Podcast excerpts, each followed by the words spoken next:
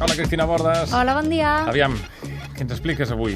Ah, però us explico una mica perquè tothom m'ha preguntat què és aquesta propietat adult que se'n va endur tres baftes, no n'hem sentit a parlar mai, va ser una mica per sorpresa. Ara els oients que es diguin, home, però si això és ràdio, què li han d'anar preguntant? Sí, perquè té un compte de Twitter que és molt seguit, que és Cris Bordes. No, no, no, sí, molt seguit. No, però allò que dius, que va sorprendre, no? Ningú la tenia en Adult, compte. sí, sí, jo mai l'he sentida baixar, aquesta sèrie.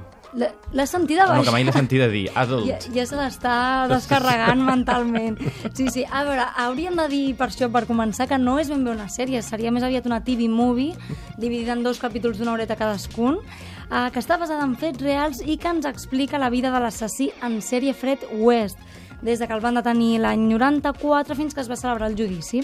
Aleshores, els BAFTA van anar a parar força merescudament a Dominic West, que és el mític McNulty de The Wire, que també hem vist eh, fa poc a la gran sèrie britànica The Hour, i doncs que aquí interpreta eh, aquest assassí en sèrie.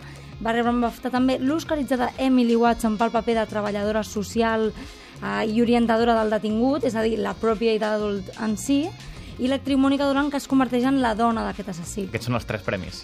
Exacte, o sigui, I uns quants més, perquè va estar retutejant allà explicant coses. Aquí ja es, des sé, es destaca que el punt fort són les interpretacions. A nivell argumental no és la bomba, però sí que val la pena perquè són dos capitolets i ja ho teniu Aquest al format sac. està com a guanyant. Si dèiem que les sèries està com a, a captivant més fanàtics que el cine, potser les minissèries ja és com una cosa com Sherlock, pam, tres, i a tothom li encanta. Sí, el que passa és que el, això és TV Movie, ja seria un, com una pel·lícula dividida en dos, com si diguéssim, però és veritat que és més assequible. La gent diu, ah, vale, dues horetes i ja ho tinc, ja ho tinc Ja vist. està.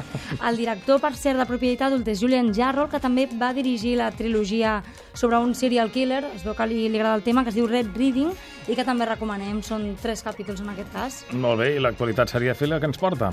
Doncs ahir mateix es va estrenar la nova sèrie de A&E Long Maya, de moment ja té un reclam molt important i és que la protagonitza Kate Shakov, Sakov, a Starbuck de Battlestar Galàctica, Sí. que tothom, té tothom que la va veure enamorat. La, la rossa de Battlestar Exacte, Galàctica. i doncs que avui podrem veure en acció en aquest drama que si ens agrada, que no ho sabem, doncs tractarem aviat.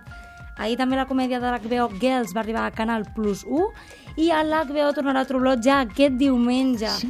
Esperem que millori aquesta quarta temporada fluixeta que va tenir, doncs que la cinquena la puguem recomanar amb ganes. Sí, sí, i parlant de cervells, jo també ara estava pensant que ja m'explicaràs com poder veure el True Blood, eh?